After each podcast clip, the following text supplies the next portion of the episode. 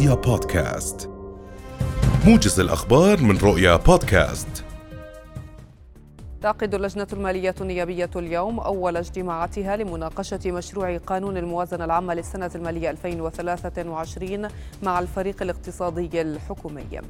وستكثف اللجنة اجتماعاتها لإنجاز العمل وعرض مشروع القانون على مجلس النواب حيث سترتب برنامجا لمقابلة الحكومة والهيئات العامة لتفصيل الموازنة العامة بكل جزء وتخفيض النفقات قدر المستطاع. أكدت وزارة النقل أنه سيتم الإعلان خلال الفترة القريبة المقبلة عن الأطر التي تم اعتمادها لإيجاد آلية صرف الأجور للناقلين على نمط الحاويات بعد استكمال موافقات جميع الأطراف المعنية بعملية الصرف على الأطر التي يتم طرحها والتوافق عليها من قبل الجهات ذات العلاقة كافة. وقالت الوزارة في بيان صحفي أن العمل جار على استكمال التشاور واللقاءات مع الجهات ذات العلاقة كافة للتوافق على حل يخدم الجميع وخصوصا الناقلين الأفراد مشيرة إلى أن اللجنة المشكلة لمعالجة تحديات قطاع النقل تعقد بشكل دوري اجتماعاتها بحضور المعنيين لبحث المطالب والإجراءات لتنفيذها وفق الأصول.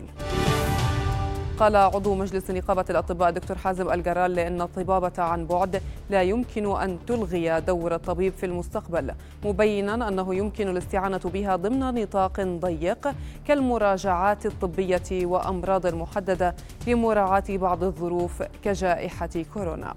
الجرال أشار في حديث لرؤية إلى وجود انتشار واسع للاستشارة والعلاج عبر مواقع التواصل الاجتماعي دون ضوابط ومراعاة لمبادئ الطب المتمثل بالتشخيص الطبي.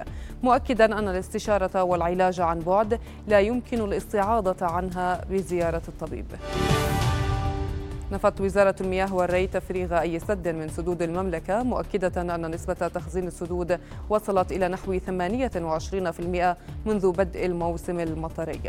وقال الناطق الإعلامي باسم وزارة المياه والري عمر سلامة لرؤيا إن نسبة التخزين في سد الوالا وصلت إلى 50% من طاقته الاستيعابية فيما وصلت في سد الموجب إلى 80% اقتحمت قوات كبيرة من جيش الاحتلال الإسرائيلي مدينة نابلس شمال الضفة الغربية وحاصرت بناية قيد الإنشاء في حي رفيديا غرب المدينة. كما اعتقلت شابا من مكان عمله داخل ورشة بناء بحسب ما أفاد شهود عيان. وتعرضت قوات الاحتلال لإطلاق نار من قبل مقاومين خلال عملية الاعتقال فيما اندلعت مواجهات مع الشبان الفلسطينيين أثناء انسحابها من المنطقة عند مدخل الحرم الجديد لجامعة النجاح الوطنية. قالت وزارة الحج والعمرة السعودية أنه سيتم إلغاء قيود كوفيد 19 في موسم الحج المقبل حيث ستتم استضافة أعداد من الحجاج تضاهي ما كانت عليه قبل انتشار جائحة كورونا. وفي عام 2019 السابق لانتشار جائحة كورونا أدى زهاء مليوني وستمائة ألف مسلم فريضة الحج. هذا وسمحت السعودية لأعداد محدودة فحسب من سكانها بأداء الحج في عامي 2020 و2021 قبل أن تستقبل مليون حاج أجنبي في عام 2022 وقالت وزارة الحج في تغريدة على تويتر إن السعودية لن تفرض أي قيود على السن في الموسم الحالي. لقي 17 شخصا على الأقل مصرعهم في خولياكا جنوب شرق البيرو في صدامات دارت بين قوات الأمن ومتظاهرين مناهضين للرئيسة دينا بولوارتي حاولوا اقتحام مطار المدينة بحسب ما أفاد مصدر رسمي. ويطالب المتظاهرون باستقالة الرئيسة بولوارتي التي كانت نائبة للرئيس بيدرو كاستيو.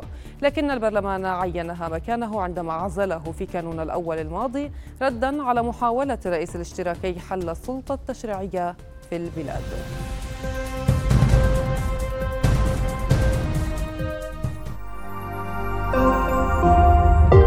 رؤيا بودكاست.